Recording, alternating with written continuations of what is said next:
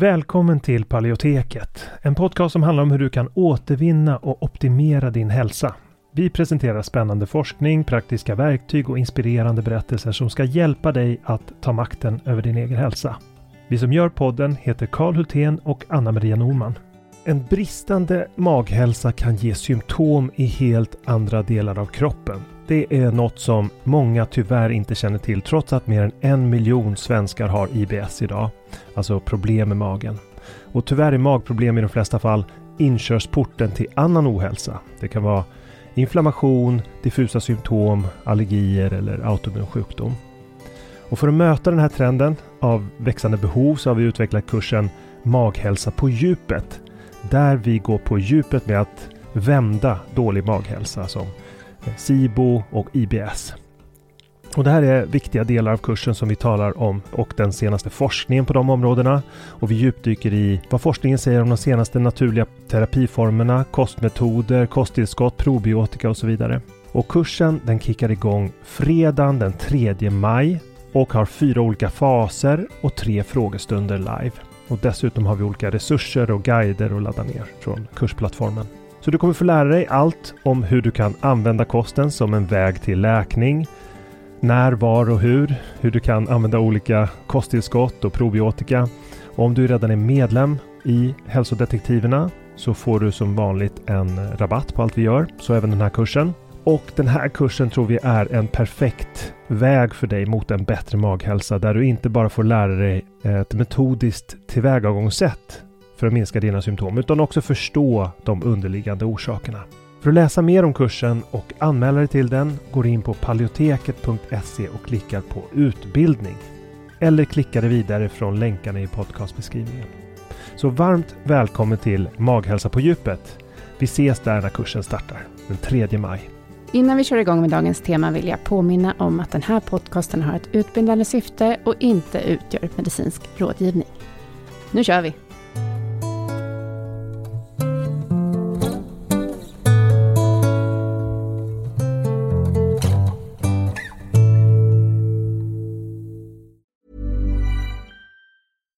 Deserves the best, and there's no better place to shop for Mother's Day than Whole Foods Market. They're your destination for unbeatable savings, from premium gifts to show-stopping flowers and irresistible desserts. Start by saving 33% with Prime on all body care and candles. Then get a 15-stem bunch of tulips for just $9.99 each with Prime. Round out Mom's menu with festive rosé, irresistible berry chantilly cake, and more special treats. Come celebrate Mother's Day at Whole Foods Market.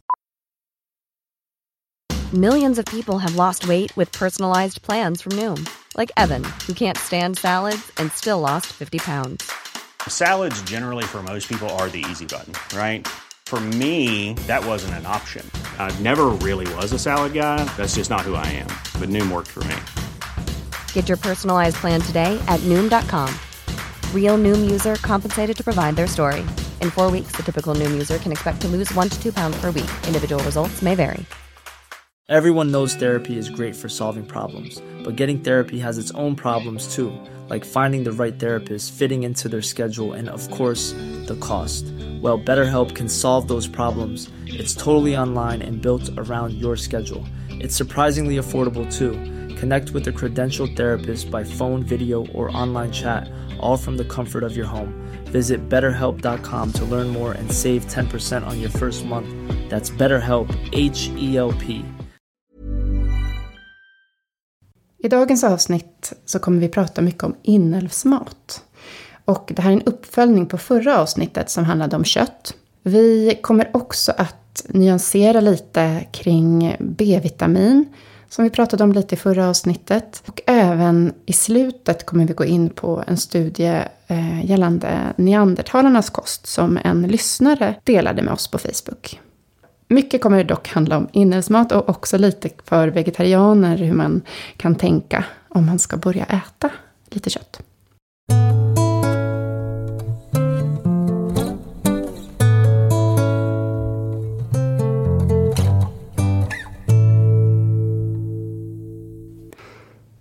I förra avsnittet så pratade vi ju om kött och eh, vi kom in på frågan kring B-vitamin och B-vitaminkomplexet och B12.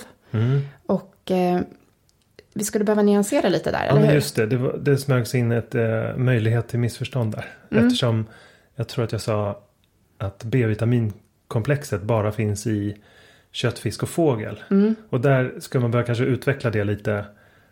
Eh, för det första att det kompletta, det kompletta B-vitaminkomplexet finns även i animalier var det skulle ha sagt. Mm. Eh, så det finns även i, det är ganska mycket i äggula och det finns även i mejeriprodukter. Mm. Eh, Det var det första och sen så finns det ju ett antal B-vitamin, B-vitaminer. Om man, B-vitaminkomplexet, när man säger när, när jag sa där att animaliska produkter eller att kött, fisk, fågel bara eh, att det är där som B-vitaminkomplexet finns. Med B-vitaminkomplexet så menar man alla åtta B-vitaminerna. Mm. Från B till B12. Mm. Men de framförallt som man brukar lyfta fram där det är ju B12 som eh, som då gör att man kan kalla det för B-vitaminkomplexet. Mhm. För B-vitamin, B, B12-vitaminet finns bara i animalier. Alltså de som är vegetarianer kan ju få i sig från ägg. Ja, och B till B6 eller, ehm, och B9 finns ju i, i vegetabilier också. Även om B6, ja men det är kraftigt. Eh, det är stora skillnader. Animalier har ju mycket, mycket mer av B6 också. Så, Även om det finns i, i vegetabilier också. Just. Men så så. Sen finns det väldigt stor skillnad då i hur mycket B12 det finns i olika livsmedel, eller hur? Att inälvsmaten är otroligt mycket högre Ja, det är nivåer. verkligen. Det, det är otroligt mycket B12 i just uh, inälvsmaten. Mm. Absolut. Eh, och det är därför man, jag menar läkare förr, innan det fanns B12-tillskott och, Mm. och blodtransfusioner. Eller alltså man, man gav det, intraven, det intravenöst. Men innan man kunde göra, när man inte kunde göra det så gav man ju lever. Mm. Gav läkare lever till patienter med B12-brist. Mm. Eller de, eh, den anamnes, den symptombild som Mm. tydde på B12-brist. Då. Mm. Det finns ju autoimmuna tillstånd där man inte kan ta upp eh, perniciös anemi. Där man inte kan ta upp B12 på ett bra sätt. Mm. Ehm, och sen så finns det också. Ja, men, det är väldigt vanligt att äldre personer. Som äter en konventionell västerländsk kost också uppvisar lägre och lägre B12 nivåer med Mm. ålder. Mm. okej. Så att ehm, vad man kan göra helt enkelt för att åtgärda B12-brist är ju att äta lever Mm. Precis. på ett naturligt sätt. Ja, Mm. och vi kommer ju, vi har ju ett recept på hemsidan på paleoteket.se för leverpastej. Ja. Och leverpastej är mitt eh, favoritsätt att äta lever, för jag är inte så förtjust i lever. Men leverpastej smakar ju inte lever, så, Nej. beroende på hur man tillagar. Så att eh, De den smakar ganska lite favoritsätten brukar ju lever. vara just leverpastej och eh, eh, det andra sättet är väl att blanda det i en vanlig köttfärslimpa. Mm, Man kör en 50-50 limpa Mm. med köttfärs och precis, precis. lever. Eller, eller 70-30 eller, Ja, eller eller, eller 90-10 Du din försöker alltid lura barnen med det där och stoppa i så mycket lever som möjligt. Ja, Eller, och mig precis. försöker lura också, det, Ja, går, inte. Nej. Nej, du vill Nej, ha men- 90-10, 95-5. Men leverpastej, då kan jag liksom äta ganska mycket. Mm. Eh, Men vad jag tänkte på var att vad man kan göra om man är intresserad av B12 är att gå in på livsmedelsdatabaserna och söka på B12. Och då får man upp en radda med jättemycket livsmedel och ser exakt hur mycket det är i olika. Det är ganska intressant. Och då ser man den där skillnaden mellan just eh, inälvsmaten.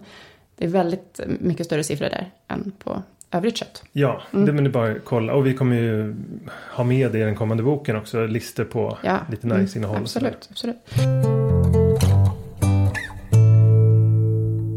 Du brukar ju prata om att olika individer har olika behov. Finns det kategorier av människor som behöver mer eller mindre protein? Mm.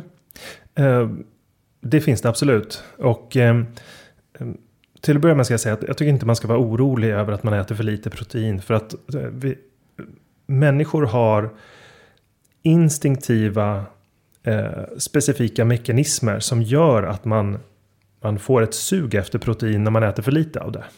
Så att eh, de flesta äter precis så mycket protein som deras kroppar behöver. Eh, men sen kan det där såklart påverkas av eh, om man har starka etiska förhållningsregler eller vissa trosystem som kan, så kan man ju liksom tvinga in sig själv i att äta på ett visst sätt. Men det är en annan sak. Alltså om man följer sina, eh, sina eh, lockelse eller cravings så att Mm. säga. Så, så, så tar man naturligt in en bra mängder protein. Och det landar ofta på eh, eh, ja, omkring 15 energiprocent eh, för de flesta eh, i västvärlden. Eh, men personer som kan behöva äta mer än de här 15 energiprocenten. Då tycker jag de som bör kanske öka allra mest. Det är de som har stor övervikt. Alltså personer som har ett BMI som är liksom över 30. Eh, som som är, har verkligen eh, grav övervikt. För där kan man se att alltså, protein är det mest mättande makronäringsämnet. Mycket mätt, mer mättande än fetter och kolhydrater. Och det finns då till och med studier som, eh, som visar att man eh, frivilligt minskar sitt energiintag när man ökar eh, proteinmängden eh, till eh, 30 energiprocent. Från, alltså det naturliga var ju då 15 som vi gick igenom tidigare. Eh, det finns en studie som visar att en grupp som då fick ök, fördubbla sitt, sin andel kalorier från proteiner minskade då det, helt frivilligt utan någon typ av begränsning i deras tillgång på mat så minskar de sitt kaloriintag med 440 kalorier och gick stadigt ner i vikt förstås. Mm. Och eh, jag tror att de gick ner runt 5 kilo på 12 veckor eh, i genomsnitt den här gruppen. Eh, och det här är ju någonting som eh, man ofta inte lyckas justera för heller när det gäller lågkolhydratdieter. Som då får, när man tar bort kolhydraterna så brukar proteinintaget öka som andel av de totala kalorierna. Naturligt och då finns det flera studier som visar um, hur lågkolhydratkosten hjälper väldigt bra vid viktnedgång. Och en av de saker som sker då är att man ökar andelen protein i kosten. Mm. Men om man äter mera liksom, köttfisk och fågel så finns det också fett i där. Ja, Jag tänker det. att det heter low carb high fat.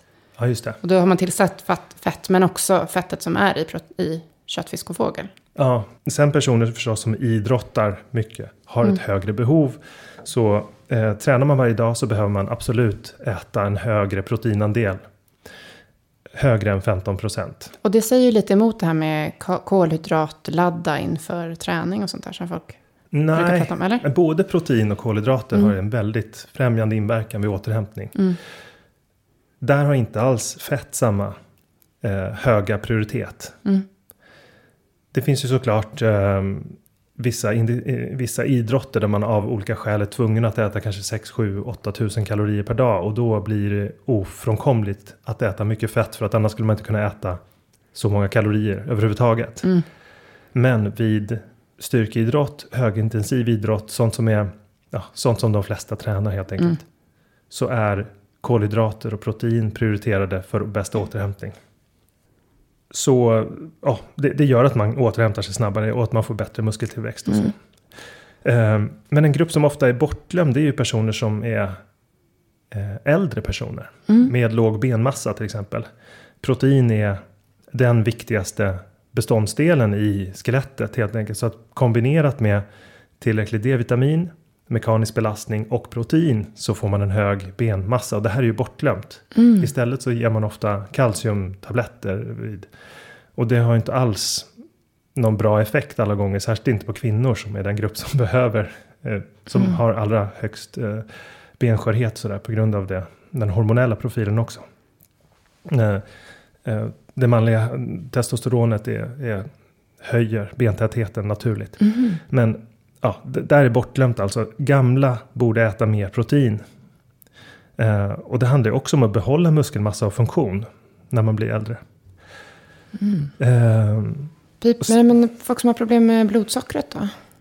ja, just det. Där, just eh, blodsockerproblematik. Där har ju protein visat sig ha väldigt positiva effekter när det gäller inflammatoriska markörer, insulinkänslighet eh, och eh, även eh, inflammationsmarkörer som CRP eh, och effekter på blodfetter. Så att eh, blodsockerproblem så tycks det vara otroligt gynnande, särskilt om man får protein tidigt på dagen. Mm.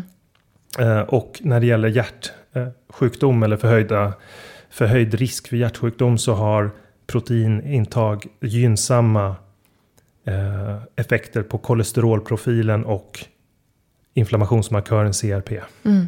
Är det här som brukar kallas för metabola Ja, problem? ja exakt. Mm. Ehm, Bra. och eh, en annan grupp som vi inte pratar så mycket om det är ju de som har kroniska som har kronisk ohälsa. Om jag menar liksom den autoimmuna gruppen. Mm. Där finns det ju ett, jag tycker att där, där finns det generellt sett ett förhöjt behov. Alltså att man bör kanske ligga eh, mellan 25 och 30 någonstans.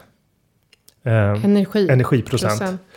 Eh, bör, eller bör och bör. Eh, någonstans där eh, så vet man att man får i sig ganska mycket mer av de här mikronäringsämnena som är viktiga för immunförsvaret. Man får i sig tillräckligt av de fetter som är viktiga för att immunförsvaret ska vara balanserat, nämligen EPA och DHA till exempel. Mm. Eh, att ligga lite högre när man har kronisk inflammation är också klokt för att proteinet bygger upp antioxidantförsvaret i kroppen, glutationförsvaret. Ehm, och om man då ska kolla på vad en normal kost då kan innehålla. Så innehåller, så, så om man ska få i sig, eh, som, om, vi, om vi säger en, en kost på 2200 kalorier. Då ligger ett intag som är mellan 20 och, 25 och 30 procent. Eh, någonstans mellan 130 och 160 eh, gram protein per dag. Eh, och det är ju lite mer än vad många äter. Så att där, där kan man, om man har autoimmuna besvär, då tycker jag att man ska kanske kolla över sitt proteinintag och skruva upp det lite grann. Tränar man väldigt hårt så kan man skruva upp det lite grann. Eh, sen är det naturligtvis så att det finns vissa tillstånd av autoimmunitet där man kan skruva ner det lite också. Och eh, det är väl om man konkret har njurbesvär. Eh, eller om man har varit vegetarian väldigt länge så att man inte är van att bryta ner eller av psykologiska skäl har svårt att få i sig det. Då, eh, då kan man behöva börja på mindre. Mm. Det, det var en fråga som handlade om det där med vilket, om man är, om man är vegetarian och man vill få i sig protein. Ja, ehm, Ska jag säga något om det? ja, då hamnar vi ju lite utanför vad, eh, vad det innebär att följa det autoimmuna protokollet. Mm.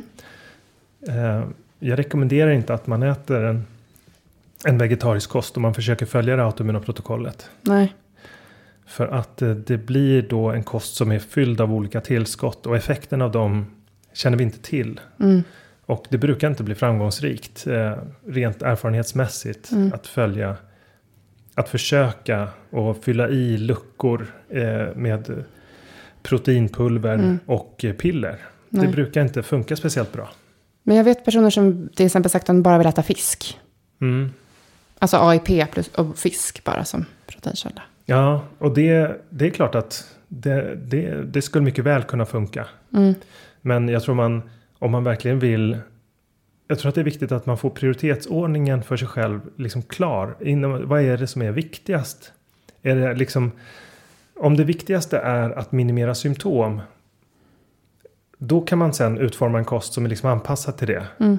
Eh, Men om det viktigaste är att följa en vegetarisk kost och att symptomen kommer på andra hand. Mm. Det, det blir liksom... Ja, då, då kanske en, en fiskbaserad kost kan vara En kompromiss. någon slags kompromiss. Men jag, jag tror att eh, när man verkligen går till botten med det hela så, så brukar de flesta landa i att "Nej, men jag vill ju faktiskt kunna må bra och fungera fullt ut. Mm. Och att det blir ju i slutändan det som blir mest positivt i, Mm.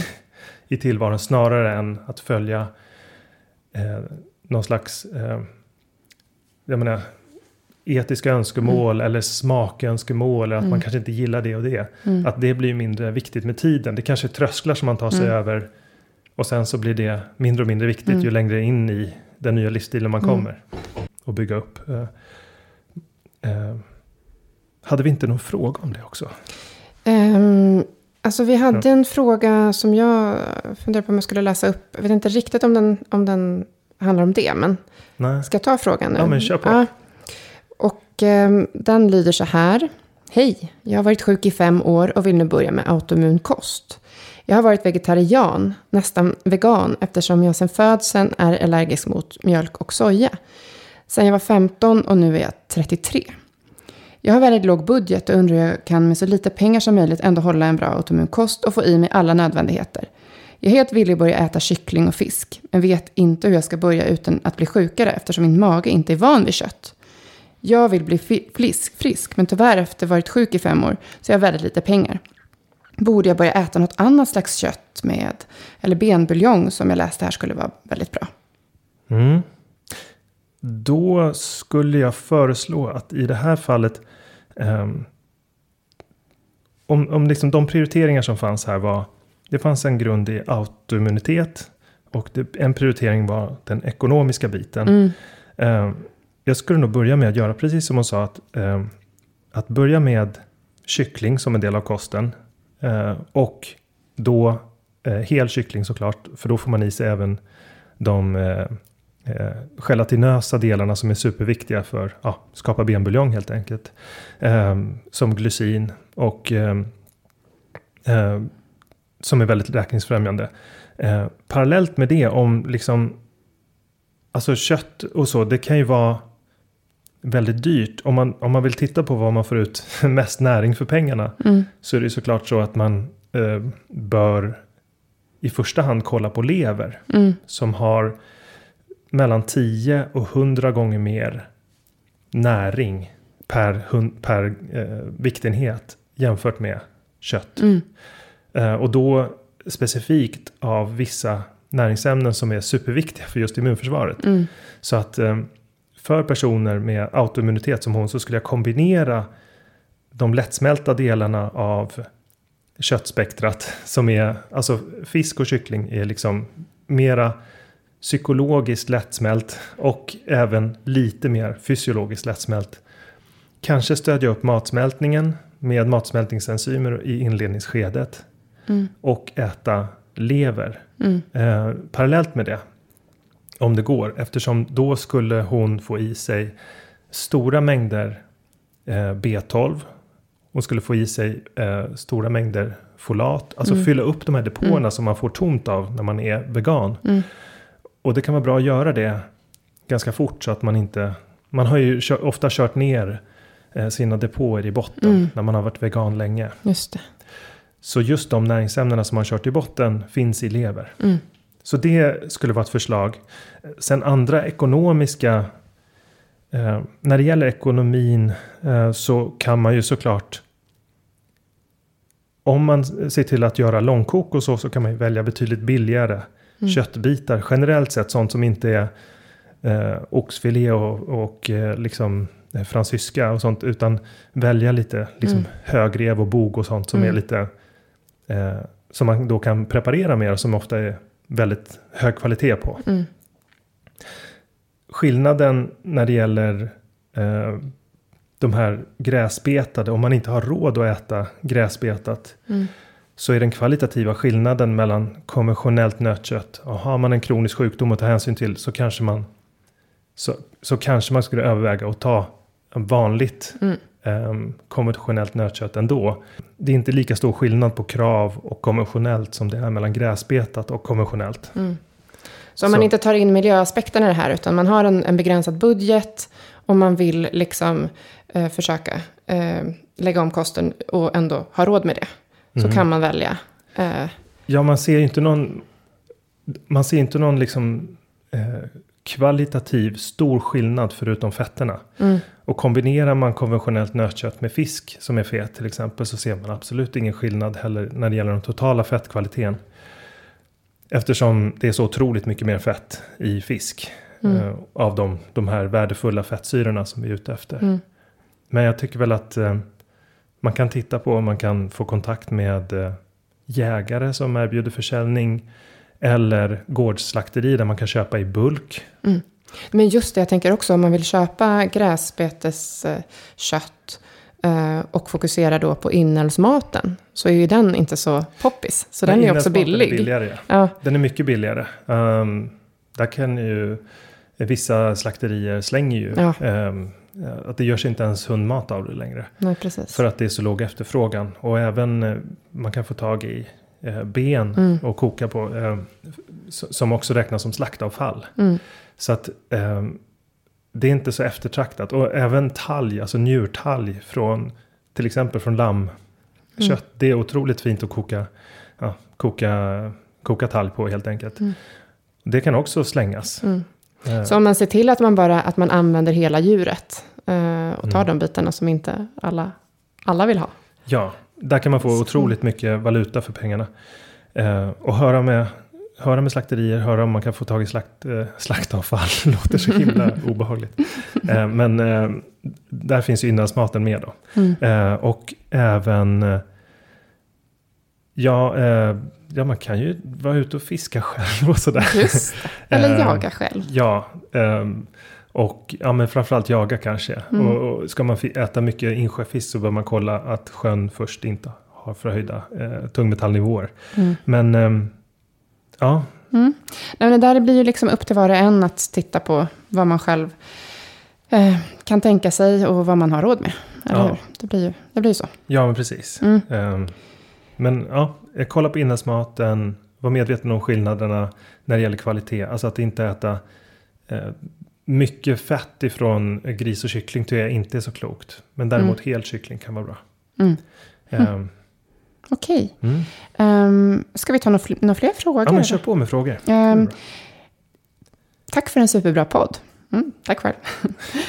Det skulle vara intressant med ett avsnitt om man får ihop en bra AIP-kost när man har autoimmun sjuk- sjukdom har låg njurfunktion. Ah. 20 procent. Oj, där måste man ju, där ingår i första hand att följa, där, där får man ju ofta kontakt med en dietist. Mm. Eh, I och med att där kräver, eh, ne- nedsatt njurfunktion kan kräva att man äter eh, en proteinbegränsad kost. Mm. Och då får man helt enkelt bara försöka få de proteinkällorna från så högkvalitativa att bli så högkvalitativa som möjligt. Och därför blir en lågproteinkost extra viktig att se över när det gäller källorna. Mm. Så där tycker jag väl då att man bör absolut prioritera inälvsmat i första hand. Fisk och skaldjur i andra hand. För då får man liksom en heltäckning när det gäller mikronäringsämnena. Mm.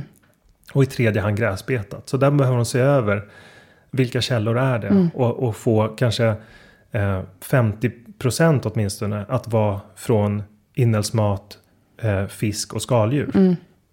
Just Eh, det. För det blir en ganska, troligtvis så ligger hon, kommer hon att ligga på en, eh, kanske runt 10 energiprocent eller under Mm. från protein.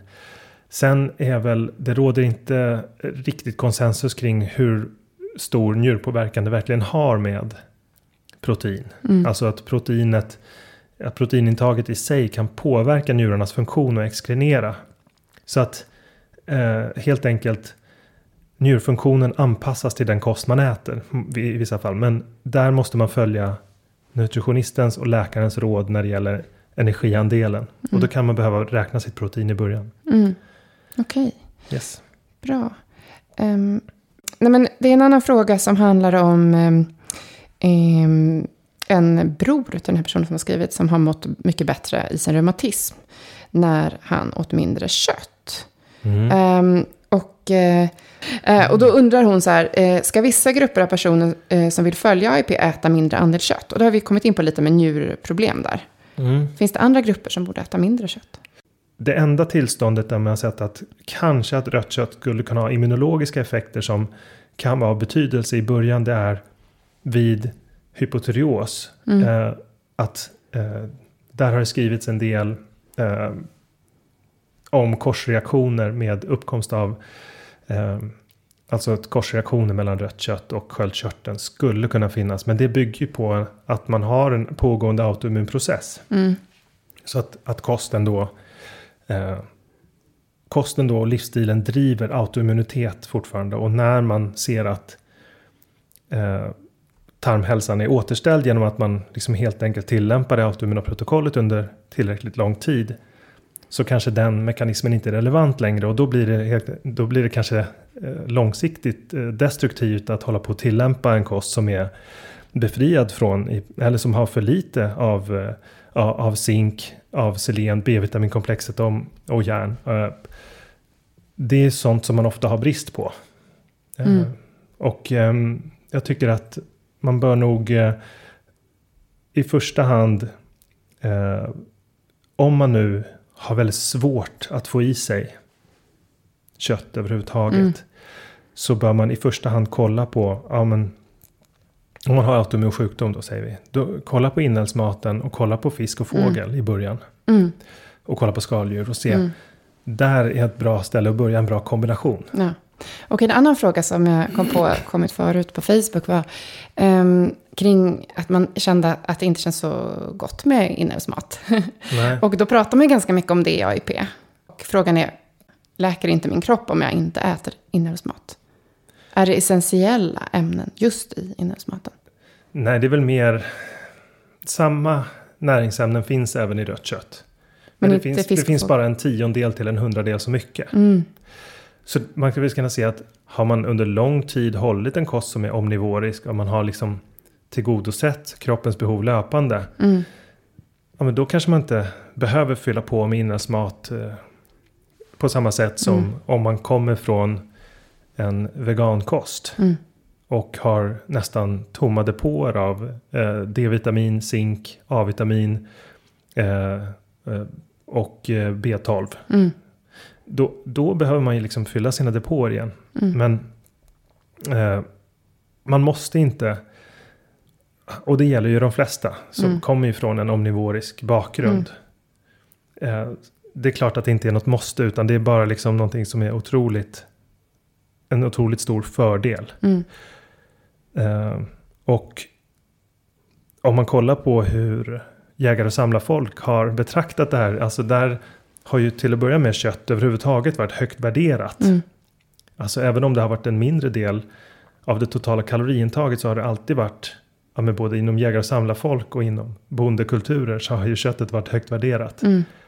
Sovel har de kallat det. Eller så här, det har ju varit någonting som, ja, ta inte för mycket sovel. Eller ta, så det, det har alltid varit eh, någonting som har varit det finaste på Mm. tallriken. Och det är ju för att det är, ja, det är svårt att få tag i, men också att det kanske har en näringsmässig grund som är liksom otroligt viktig. Och Mm. där, där kan man se att jägare och samlarfolk har prioriterat användande av lever för vissa, traditionellt för vissa grupper. Det har förekommit på många håll. Mm.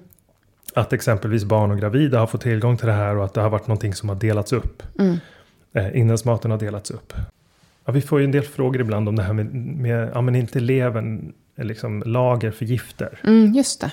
Eh, och det, jag tänkte det borde man också ta upp nu för att eh, lever, vad levern gör är inte att lagra gifter. Utan vad levern gör är att lagra vissa eh, fettlösliga vitaminer och mineraler. Mm. Eh, och de gifter som behandlas genom levern, de filtreras nästan genom det. Man kan säga att det som absorberas i tarmen i form av gifter kommer via portavenen upp till levern. Mm. Och där metaboliseras de för att göra mer vattenlösliga och sen så kissar man ut dem i vissa fall. Och i vissa fall så, så exkrineras de genom gallan. Mm. Men det är ingenting av det här som lagras i levern. Eh, så sånt som lagras i kroppen generellt när det gäller tungmetaller, det, det brukar spridas. I, så att det, det beror lite på om de är fettlösliga eller om de binder till proteiner. Så tungmetallerna brukar vara mer att det är proteiner och så. De sitter inte specifikt i levern så att det, det är ingenting man behöver vara orolig på Nej. för det sättet. Men däremot A-vitamin, D-vitamin, B12, folsyra, mineraler som koppar och järn och zink. De finns i levern Mm. också. Ja, efter att vi eh, hade publicerat eh, förra avsnittet på Facebook så skrev Johan Lindén där att han tyckte att avsnitt, avsnittet innehåller ett avgörande och felaktigt antagande. Och så länkade han till en artikel om neandertalarna. En eh, studie som kom ganska nyligen, eller hur? Mm. Vad, nu har du läst den studien. Vad, vad, vad tänker du kring den? Eh, jo, men den här studien som, man, man, som han syftar på. Eh, vad den tar upp är ju att man har hittat då en eh, neandertalarindivid. Vars eh, kalcifierade avlagringar på tänderna tyder på, eh, visar en mikroflora. Och som visar på proteiner i den kosten som individen har ätit. Som var vegetarisk då. Mm, Och i förra avsnittet så sa ju jag att de arkeologiska bevis som visar på våra förfäder tyder på att vi har varit omnivorer. Alltså att vi har haft en blandad kost. Ehm, och att det här då skulle kunna vara ehm, någonting som motvi- motbevisar det. Eh, och jag, ma- jag tror att jag, jag ska ju såklart inte vara sådär eh, kategorisk. Mm. Men jag tänkte ändå liksom bara Ja. Just, just för att det är så lång tid tillbaka så kan det liksom dyka upp nya Ja, det är naturligtvis studier. otroligt Ja. svårt att veta exakt hur människor har levt baserat på arke- arkeologiska bevis. Mm. Men vad, vad man kan säga är väl att den samlade bilden som forskare har av de arkeologiska bevisen och de antropologiska bevisen av eh, vilt levande människor, alltså Mm. jägare och samlare, ehm, tyder på, den samlade bilden är att vi är som art omnivorer. Främst de nivåer, Ja. eller? Och vad den här visar, den handlar ju då om eh, neandertalare. Mm. Man har kollat på plack, alltså analyser, DNA-analyser av plack av fem olika individer. Där de flesta blev misslyckade, de här proverna. Och man har då gått ner till två individer där en neandertalare som levde i Belgien och som klarade sig nästan enbart på kött. Det var mufflonfår och det var bis, nej inte bison. Ja, det var animalier helt Mm. enkelt i Belgien. Och den som levde i Spanien då som man hittade ehm, eh, åt mera typ pinjenötter, svamp, vissa mossor hittar man då Mm. i bakterieavlagringarna. Det kallas för eh, calculus. Alltså det, eh, det är alltså kalcifieringar av avlagringar som man kan få. Eh, det vanligaste är väl att man får det på underkäken under vid, där tungans eh, alkaliska eller basiska saliv kommer och så kan det bli avlagringar. Mm. Det är alltså de avlagringarna som man har tagit prov på. Mm. Och det man har då hittat är att ja, man har hittat DNA från ehm, bakterier som tyder på en viss kost och man har hittat proteiner av det som, Mm. som åts. Mm. Ehm, vad man ska komma ihåg bara, det här är ju en individ Mm. då. Och det säger egentligen vad, vad den här studien fokuserar på. Det finns, en, det finns en, liksom, en önskan idag att dra väldigt stora växlar på vad man har hittat i den här typen av nya studier. Mm. Alltså om man gärna skulle vilja att alla människor åt en vegetarisk kost. Då kanske man eh, tolkar att en, en neandertalare i Spanien har ätit, tycks ha ätit en vegetarisk kost. Och man kan övertolka det Mm. som att det på något sätt skulle säga något om Mm. hur människor idag borde leva. Så, men då behöver man liksom komma ihåg att det man ser där är mer av en ögonblicksbild av en kost. För att eh, kalcifieringar på tänder omsätts genom slitage och genom om man äter väldigt syrliga saker. Så omsätts det. Så det, det ger en bild. Jag vet inte exakt hur snabbt för det beror på så många faktorer.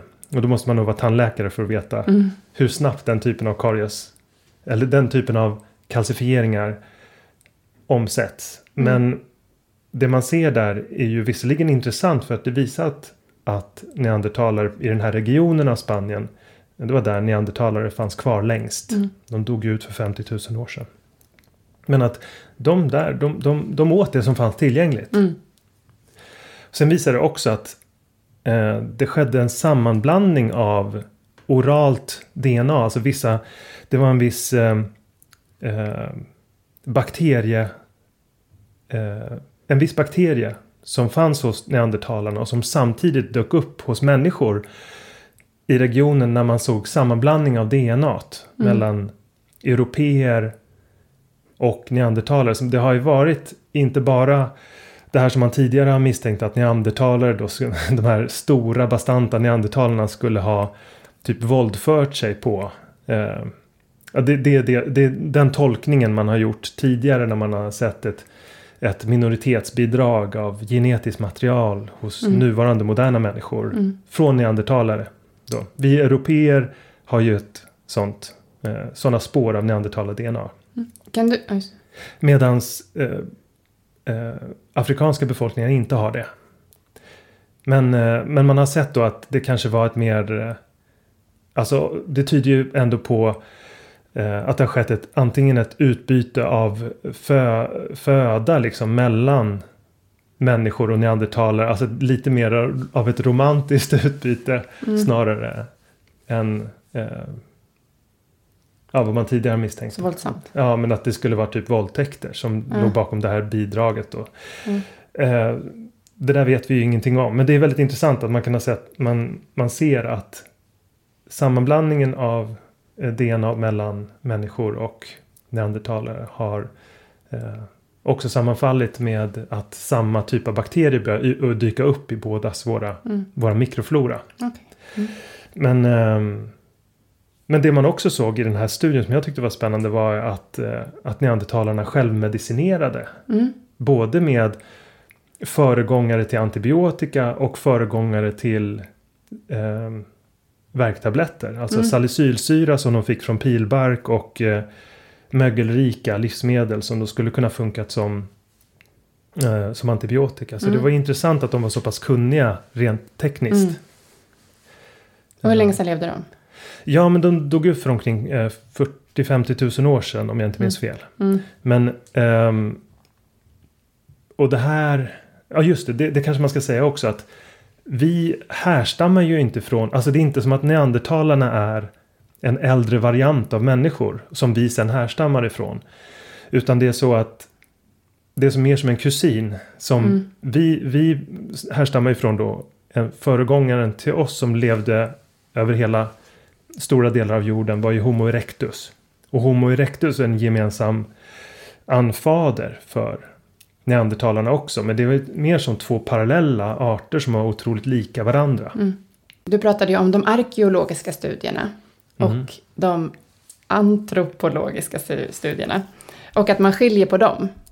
Ja. Eh, att jag tänker att en del av det du pratade om i förra avsnittet handlade, handlade om de antropologiska. Mm. Alltså jägare och samlarfolk som faktiskt lever idag, som man kan besöka. Mm. Eller hur? Att man studerar dem. Ja, precis. Så, att, så att det är liksom olika fakta. Det ena är ju att titta på skelett. Eller liksom, ja. Eh, och det andra är att kolla på hur jägare och samlarfolk lever idag. Och att det, det ger tillsammans en samlad bild av historien. Ja, men precis. Det finns mm. ju ett, ett, stort antal olika metoder. Mm. Eh, det här är ju någonting som är ganska sällsynt att man liksom har hittat eh, faktiskt DNA från en icke levande art. Mm. Så det är en ganska sällsynt metod att använda för att ta reda på hur föregångare till människor eller människors släktingar har levt. Mm. Eh, det finns ju andra metoder. Det, isotopanalyser är det vanligaste. Då kan man ju se sammansättning av, man analyserar vissa radioaktiva isotoper i benbitar helt enkelt. Och kan på så vis få reda på eh, hur stor fördelning mellan animaliskt respektive vegetabiliskt eh, föda som de, den här individen har ätit. Och det kan man ju, det kan man ju använda på betydligt äldre prov. Mm. Nu blev mm. jag sugen på att bjuda hit en arkeolog. Ja, det skulle ju vara. Ja, ja verkligen. Jag ska berätta exakt hur de gör. Mm. Och en antropolog också kanske. Ja, men vad bra. Då har vi pratat lite om den ja, men då har vi uh, svarat lite på den. Tack eh, Johan för din kommentar. Ja, men jättebra. Mm. mm. Det kan vara lite kul att nämna att det just nu finns en dokumentär ute på SVT Play som heter Neandertalarna. Och som är från 2015, det är en tysk dokumentär. Och, den, och där tar man upp den här studien bland annat. Mom deserves the best, and there's no better place to shop for Mother's Day than Whole Foods Market. They're your destination for unbeatable savings, from premium gifts to show-stopping flowers and irresistible desserts. Start by saving 33% with Prime on all body care and candles. Then get a 15-stem bunch of tulips for just $9.99 each with Prime. Round out Mom's menu with festive rosé, irresistible berry chantilly cake, and more special treats. Come celebrate Mother's Day at Whole Foods Market. Mom deserves the best, and there's no better place to shop for Mother's Day than Whole Foods Market. They're your destination for unbeatable savings, from premium gifts to show-stopping flowers and irresistible desserts. Start by saving 33% with Prime on all body care and candles. Then get a 15-stem bunch of tulips for just $9.99 each with Prime. Round out Mom's menu with festive rosé, irresistible berry chantilly cake, and more special treats. Come celebrate Mother's Day at Whole Foods Market Market. Imagine the softest sheets you've ever felt. Now imagine them getting even softer over time. That's what you'll feel with Bowl and Branch's organic cotton sheets. In a recent customer survey, 96% replied that Bowl and Branch sheets get softer with every wash. Start getting your best night's sleep in these sheets that get softer and softer for years to come. Try their sheets with a 30-night guarantee. Plus, get 15% off your first order at bowlandbranch.com. Code BUTTERY. Exclusions apply. See site for details. Tack så mycket för att du har lyssnat på det här avsnittet av Paleoteket. Vi hoppas att det har varit till nytta för dig. Om du vill få hjälp att uppnå dina hälsomål står vi redo att hjälpa dig.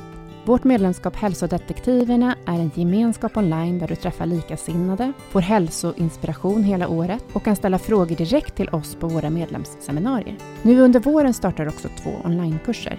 AIP Masterclass är kursen för dig som vill lära dig allt du behöver veta om kostupplägget AIP, autoimmunprotokoll, samtidigt som du blir guidad genom en stegvis process med både läkningsfas, utvärdering och återintroduktioner. Sen har vi kursen Maghälsa på djupet som riktar sig till dig med IBS och misstänkt eller konstaterad SIBO.